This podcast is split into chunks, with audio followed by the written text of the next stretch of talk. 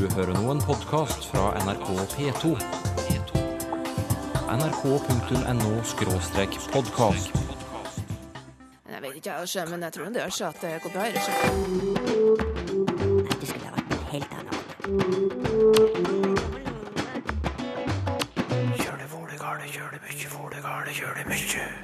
Kan det bli for mye ord?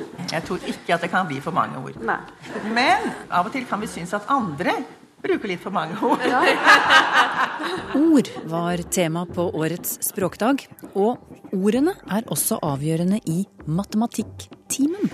Hvis elever skal forstå matematikk, så må de utvikle matematikkspråket sitt og lære seg å tenke høyt for å løse matematiske problemer. Og apropos ord, hva betyr høvring?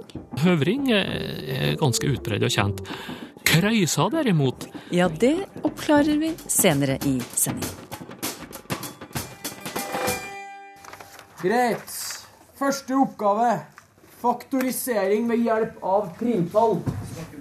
Hvordan snakker vi om matematikk i klasserommet? Ja. Delt på to er ni. Og da ser vi, kan vi dele her på to? Ja, kan vi dele på to? Kan bevisst språkbruk i mattetimen gjøre elevene bedre? Sånn. Der er svaret vårt. Og her er statsministerens eh, svar. Så skal vi sørge for de neste fem årene at 10 000 lærere får videreutdanning i, eller etterutdanning i matematikk. Ja, den nye regjeringen vil gjøre mattelærerne i norsk skole dyktigere. Og bevisst språkbruk kan være en av nøklene til bedre matteundervisning. Det mener forskere ved NTNU i Trondheim. I et stort, landsomfattende skoleprosjekt kartlegges bl.a. hvordan læreren snakker til elevene i mattetimen. Og Henning Fjørtoft ved Program for lærerutdanning på NTNU. Du, matematikk, det er mye tall og formler og figurer. Men du mener språket er et veldig viktig virkemiddel for mattelæreren. Eh, hvordan det? Ja, det er veldig viktig. Eh, matematikk har jo mange fagord. Eh, og det, hvis vi tenker tilbake til egne timer i klasserommet, så husker vi sikkert at vi lærte sånne ord som rombe og algoritme og standardform og sånne ting. Det kan være utfordrende nok. Og så finnes det òg en del fagbegreper i matematikk som er, har en vanlig betydning i hverdagsspråket, men en spesiell betydning i matematikk. F.eks. sånne ord som volum og stråle og tangent og sånne ting. Eh, og I tillegg så vet jeg også at matematikklærere er opptatt av å utvikle elevene sitt matematikkspråk fra et hverdagsspråk der de snakker om rundinger, til et matematikkspråk der de snakker om sirkler. Mm. Men, men på hvilken måte kan språket være et redskap for mattelæreren? Hvis elever skal forstå matematikk, så må de utvikle matematikkspråket sitt og lære seg å tenke høyt for å løse matematiske problemer. For det å lære matematikk det er jo mye mer enn å finne rett svar, eller komme fram til feil svar. Det handler om å lære seg bestemte måter å tenke på, bestemte problemløsningsstrategier, bestemte algoritmer osv. Og, så og det her er faktisk språklig fundamentert. Vi vet at hjernen trenger det språket for å lære å jobbe i matematikk. Mm. Du Har du et eksempel på, på det du sa akkurat nå? Ja, jeg var til stede i en matematikktime på barnetrinnet, og der var det en elev som skulle peke på en linje som gikk rett opp og ned. Og så sa eleven 'den går rett ned'. Og så svarer læreren 'ja, den går loddrett, vertikalt, rett ned'. Og på den måten så forsterker den læreren begrepsapparatet til eleven. Han tredobler det faktisk, sånn rent matematisk sett. Og han forsterker det ved at han bruker de matematiske begrepene for å trene opp eleven sin evne til å snakke matematikk. Mm. I forbindelse med dette prosjektet som jeg nevnte innledningsvis, så har du som du også ga et eksempel på nå, vært altså bl.a. observatør i en del eh, klasserom. Hva fant du ut om språkbruken hos dagens mattelærere? Det vi finner ut, er at det, det er noen matematikklærere som, er, som bruker matematisk muntlig samtale, som vi kan kalle det, og det er andre som ikke gjør det. Eh, vi hadde f.eks. En, en time der vi observerte elever som kikka på firkanter på tavla. Og så rakk eleven opp hånda og sa det der er en firkant. Og da svarte læreren ja, det er et kvadrat, det er en slags type firkant, men den er annerledes enn et rektangel. Og det er et eksempel på at læreren da både fordobler ordforrådet til eleven, men også setter i et sånt hierarkisk system. Vi har to typer firkanter, kvadrat og rektangel. Mm. Men så observerte jeg også en annen klasse med en annen lærer som underviste i akkurat det samme. Og der var det en elev som rakk opp hånda og sa det der er en firkant. Ja, det er en firkant, sa læreren. Og så gikk de videre i timen. Og så snakka jeg med begge lærerne etterpå, og så kommenterte jeg akkurat forskjellen på de to hendelsene. Og begge to svarte hm, det har jeg ikke tenkt på. Hvorfor har de ikke tenkt på det? Jeg tror språkbruken til matematikklærere er en innarbeida del av måten de jobber på. Det er en sånn magefølelseting at man skal gjøre det sånn for enkelte. Og det er ikke sikkert at de har blitt bevisst verken at de gjør det, eller at de ikke gjør det, i mange tilfeller. Men det vi ser i praksis, når vi på en måte teller opp, eller prøver å skrive ned språkbruken til mattelærere, så hører vi jo mange eksempler på god matematisk samtale. Den matematiske samtalen i klasserommet, hva er det? Den matematiske samtalen det er et begrep som vi bl.a. kjenner fra amerikansk klasseromsundervisning. Det kalles for 'mathematically productive talk'. Altså at samtalen som vi har om matematikk, den produserer mer matematisk forståelse. Og den har ganske mange funksjoner. Den kan holde oppmerksomheten på matematikken istedenfor andre ting. Eh, det kan handle om å utvide begrepsapparatet til eleven. Det kan handle om å prøve ut ulike resonnementer eller løsningsforslag sammen i hel klasse. Eh, eller det kan handle om å involvere flere elever i dialogen om matematikken. Men en sånn matematisk samtale som du har snakket om nå, hva krever den av eh, skal vi si, grunnleggende språk, generelle språkkunnskaper hos lærer og elev? Jeg tror du må ha både bevissthet om matematiske fagbegreper og et generelt stort ordforråd for å kunne lykkes i matematikk. Et eksempel på det var en fortelling som jeg hørte fra en lærer på ungdomstrinnet. Eh, en elev i klassen hans forsøkte å løse følgende oppgave. Du sår 20 frø, og 15 frø spirer. Hvor mange prosent av frøene spirer? Og Da eleven skulle løse den oppgaven, så fikk han ikke til, og så ba han om hjelp fra læreren. Og Læreren gikk jo i gang med mange forskjellige strategier for prosentregning, men eleven skjønte ingenting. Og Først ute i samtalen så ble det klart at eleven ikke visste hva ordet spire betyr. Det burde man kanskje ha sikret seg på forhånd før man satte i gang med oppgaven? Ja, man kan nok sikre seg det, men da må man òg være bevisst det. Og den type ord hører til det som vi kaller for lavfrekvente, ikke-faglige begreper eller uttrykk. Vil si at det dukker opp sjelden i vanlig muntlig språk, og det er jo ikke et eget matematisk begrep å snakke om at frø spirer. Men det dukker opp ganske ofte i skriftlige tekster, og da må man ha en bevissthet om forskjeller mellom muntlig og skriftlig språk, også når man skal jobbe i matematikk. Mm. Men, men, hvis læreren behersker den matematiske samtalen og får den matematiske samtalen til å fungere i klasserommet, hvordan kan det slå ut på elevenes prestasjoner, tror du? Jeg tror først og fremst det kan vise seg at de får bedre forståelse for alt det som ligger bak det riktige eller det feil svaret. Og for å få til det, så må de ta språket i bruk og reflektere sammen. En av lærerne som vi har intervjua, han kaller det å lure elevene til å reflektere gjennom ulike spørreteknikker. Så han har et helt arsenal av spørsmålstyper som man kan stille til elevene for å få dem til å tenke over matematikken bak oppgavene. Mm. Nå hører vi at uh, den nye regjeringen vår vil ruste opp kompetansen hos matematikklærerne.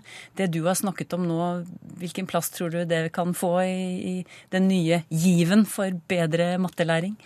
Jeg tror det kan få eh, en viktig rolle sammen med mange andre ting, selvfølgelig. Eh, men de matematiske samtalene og det å snakke matte i klasserommet, det er noe som fremmer både mestring og motivasjon og forståelse. Og da syns jeg det er verdt å legge vekt på det. Henning Fjørtoft ved NTNU har tro på den matematiske samtalen. Kartleggingen han fortalte om er del av et stort prosjekt kalt FIVIS, som NTNU og Sintef gjennomfører på oppdrag fra Utdanningsdirektoratet.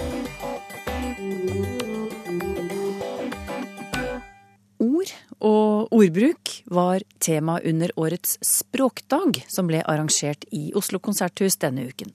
Først et lite glimt fra det kunstneriske innslaget. Ingrid Bjørnov ga oss en alfabetikers bekjennelser. Det er veldig sjelden jeg får, lov, får anledning til å stå fram som alfabetiker. En alfabetiker er en fredselv mennesketype som ikke gjør en flue fortred så lenge den holder seg på F. Ikke sant? Det vil si til høyre for edderkopp og til venstre for gresshoppe. Jeg ligger ofte våken om natten og funderer på større alfabetiseringsspørsmål, som f.eks. Elton John. Jo, men han heter egentlig Reginald Kenneth Dwight og burde stå på det. Folk setter ham jo på J. Og det er der vi kommer inn på det feltet som heter snikalfabetisering, som jeg har utviklet en del. Og det handler om alfabetisering i andre menneskers hjem.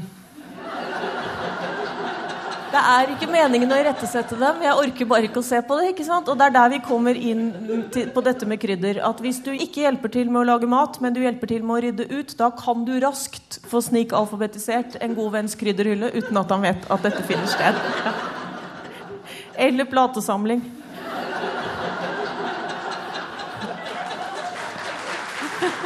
Et lite utdrag fra Ingrid Bjørnovs alfabetikerbekjennelser.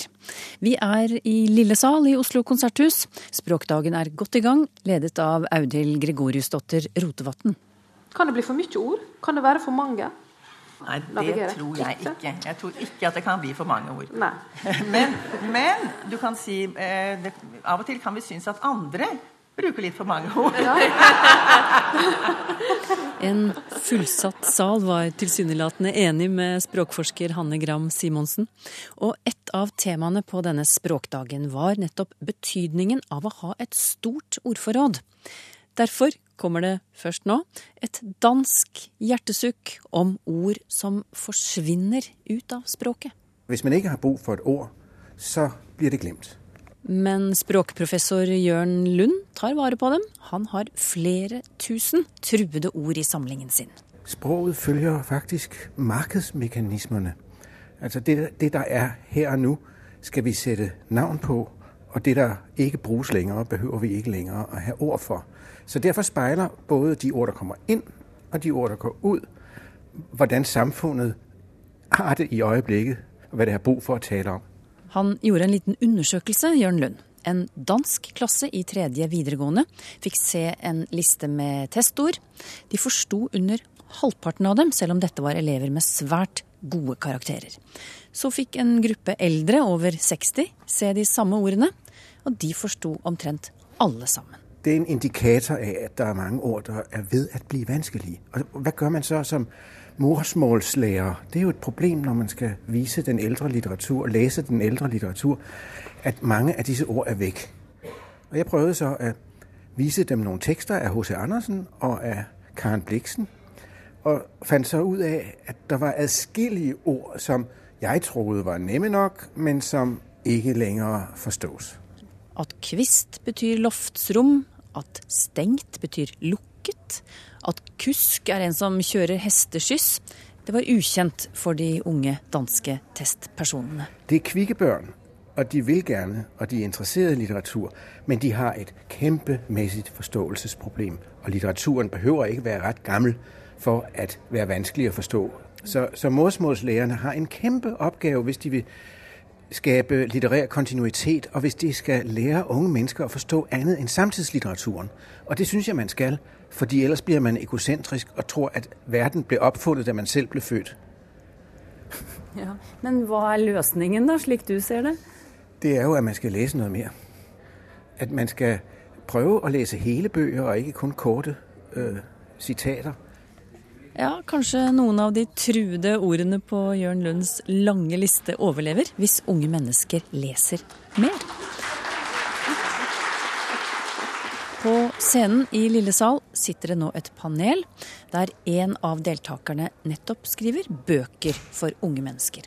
Historiker og forfatter Aina Basso har bl.a. gitt ut ungdomsromanen Inn i elden om hekseprosesser på 1600-tallet. Ja, så Hvis jeg skal skrive mm, fra ei historisk tid Nå har jeg skrevet bøker fra 1600- og 1700-tallet. Eh, så vil nå ikke jeg gå inn i et fullstendig moderne samtidsspråk. Eh, så jeg må på en måte prøve å beskrive hendelser i eh, historia i et moderne, men ikke ahistorisk språk. Da. Og da bruker jeg mye tid på å finne de rette ordene til å beskrive det som skjer. Og noen av ordene finner Basso i gamle rettsdokumenter fra 1600-tallet. Det kan være ord som har gått ut av språket, eller ord som har fått ny betydning. Et sånt eksempel som jeg ofte bruker å ta når jeg snakker med ungdom om hekseprosessene og om denne her boka, da, så eh, forteller jeg om pinlige avhør. Eh, og i dag så vil vi si at når noe er pinlig, så er det da flaut. Men på 1600-tallet, hvis du ble utsatt for et pinlig avhør, så var ikke det flaut. Det var pinefullt. Det var altså tortur. Så det er sånne ting som jeg bruker å fortelle om når jeg er på skolebesøk. Hvor mange slike ord kan du ta med i en roman for unge? Og må alle gamle ord forklares? Det er en utfordring og en vanskelig balansegang, synes Aina Basso. For noe av det gamle språket bør jo med som en virkelighetseffekt, sier hun. Eh, og da kan jeg f.eks. om fangene på tukthuset, så skriver ikke jeg 'fangene' eller eh, 'mennesker' eller sånn. Jeg skriver 'lemmene'.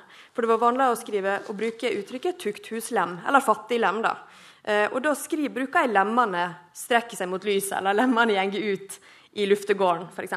Så jeg kan, eller at prosten sier 'kreatur' i stedet for 'kyr' eller 'dyr'. Eh, for å på en måte vise at han, han er i det eh, kulturelle. Han, han er sitt ordforråd. Gemakk. Gå til, gjør i stand gemakket. Sånne ting. Eh, men det er ikke like lett å bruke det for ungdom som det er for voksne. Så der jeg nok, jeg er nok litt mer tilbøyelig til å gjøre det for voksne. Voksne tåler å lese flere fremmede ord enn unge, mente forfatter Aina Basso.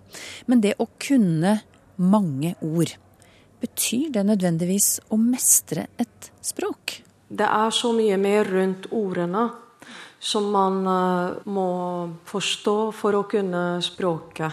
Sier en av paneldeltakerne, skribenten Sara Asme Rasmussen. Rasmussen kom til Norge fra Syria da hun var 22 år, med syrisk-arabisk som morsmål. Allikevel har hun gitt ut en roman på norsk. Og selv om ordforrådet i seg selv var en utfordring, så var det kanskje enda vanskeligere å forstå den kulturelle kunnskapen som er knyttet til et ord. Det å forstå veldig mye rundt ordet, som er sosiale, historiske kunnskaper, som gjør at du har en helt annen følelse av dette her er synonymet for snø enn jeg vil noen gang få, som kommer fra et uh, dørt klima i Midtøsten når du mangler de kulturelle referansene, blir også metaforer og faste uttrykk en utfordring, forteller Sara Asme Rasmussen. Uh, og jeg hadde spesielt vanskelig for å lære meg metaforer og ordtak. Det var greit å lære grammatiske regler og sånn, det følger logikken da og sånn, men altså, ord kan man pugge. Og, men det å forstå metaforer og lære seg ordtak eh, krever at man forstår veldig mye mer. Eh, og det å kaste over bord var det jeg husker veldig spesielt godt, fordi jeg lærte meg det utenat. Og kunne ikke skjønne hvorfor nordmenn skulle liksom bruke det ordtaket for å beskrive uh, å kaste over bordet. For da tenkte jeg at dette her, de kaster over bordet. Og hvor, hvorfor i all verden velger man denne gjenstanden for å symbolisere For å fortelle at man liksom kvitter seg med noe? For da faller det rett foran beina dine på den andre siden.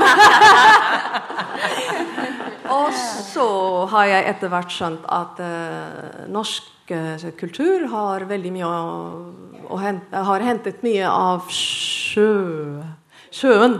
Sjøkultur. Uh, noe veldig fremmed for en som meg, selvfølgelig. Og har vokst med arabisk, klassisk arabisk litteratur og dikt som beskriver utelukkende ørken. Og derfor burde innvandrere på norskkurs lære mer om språket enn bare gloser og grammatikk, synes Rasmussen. Slik det er nå, blir det kanskje mer som et praktisk redskap. Kunne kommunisere, se på Dagsrevyen og fungere i, på en arbeidsplass. Eh, og det har jeg tenkt på i ettertid, eh, at eh, det eh, kanskje mangler litt mer fokus på forståelse av eh, det sosiale og kulturelle som ligger i språket. Men det er klart, sier Sara Asme Rasmussen, det handler også om hva du vil med det språket du lærer deg. Har man bare et mål på at man skal fungere på et minimumsnivå, så er det kanskje tilstrekkelig. Men eh, for min del så var det absolutt ikke bra. Så det er på en måte å kunne et språk er å foreta et valg, særlig hvis man er innvandrer. Foreta et valg. Hva slags språkområde ønsker jeg å fungere i? Noe av det kanskje mest utfordrende er nettopp å, å, å seile i skjønnlitteraturen uten kompass, på en måte.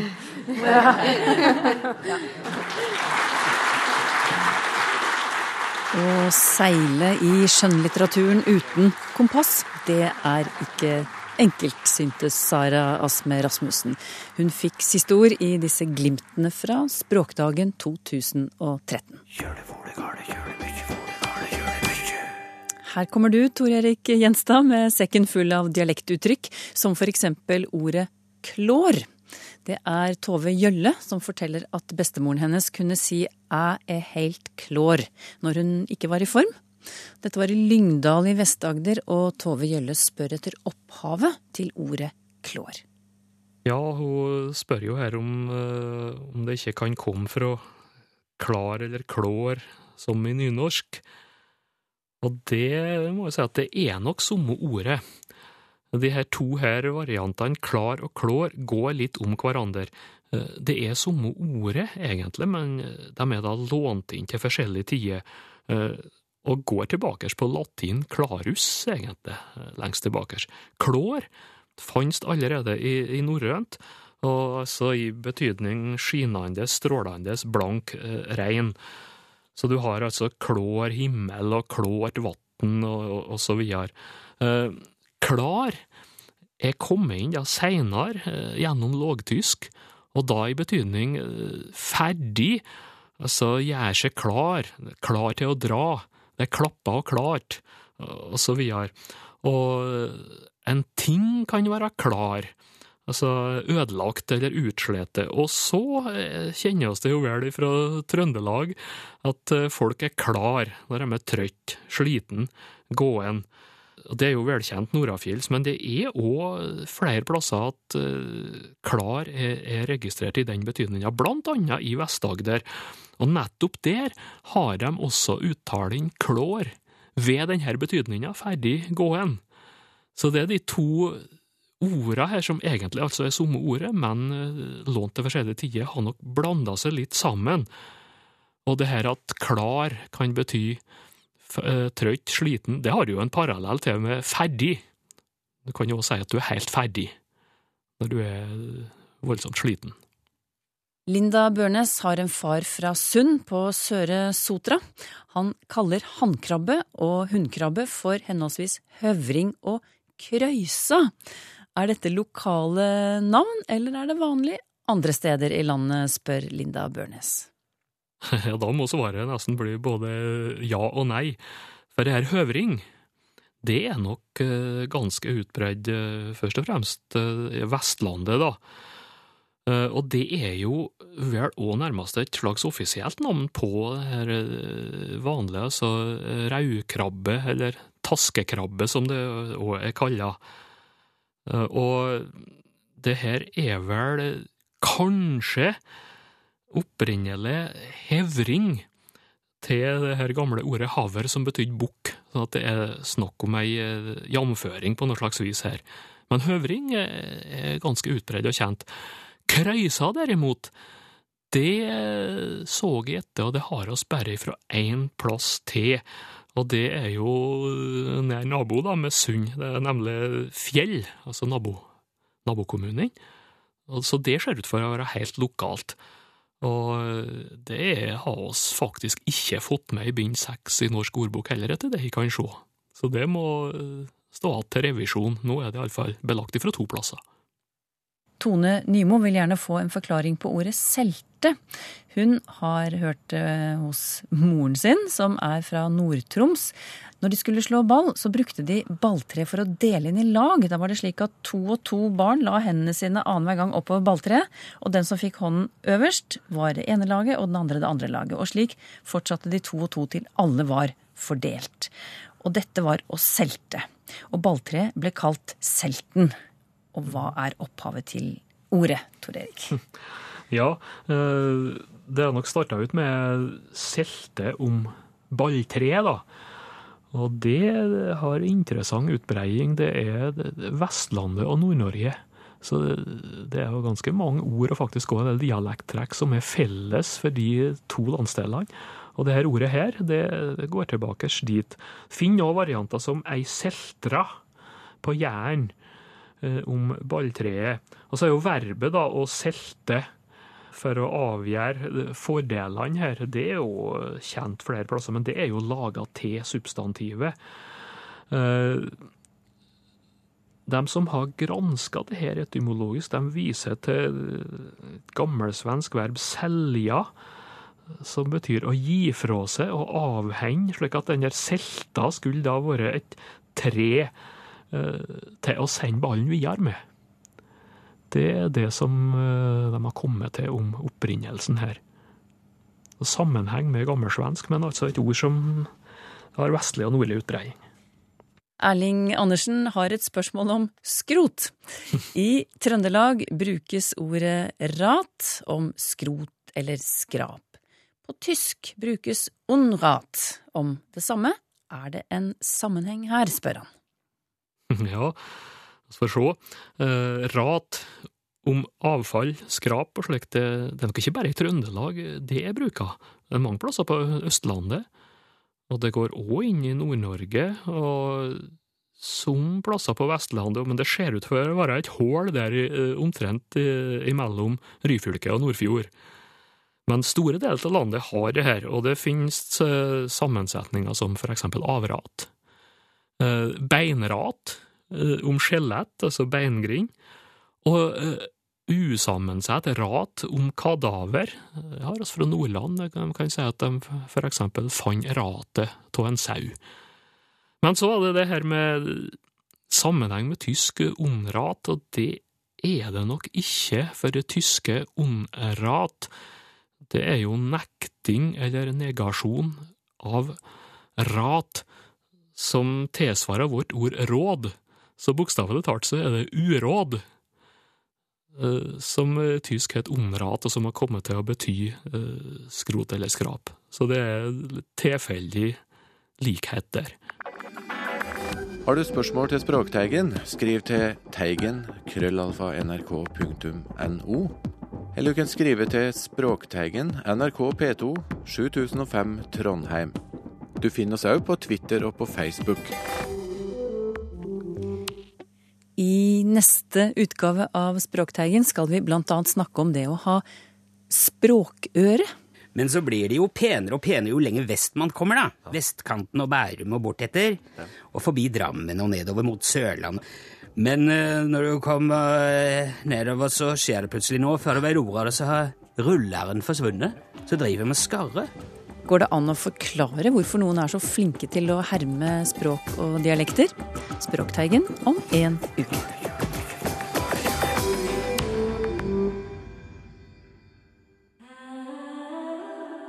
nrk.no podkast.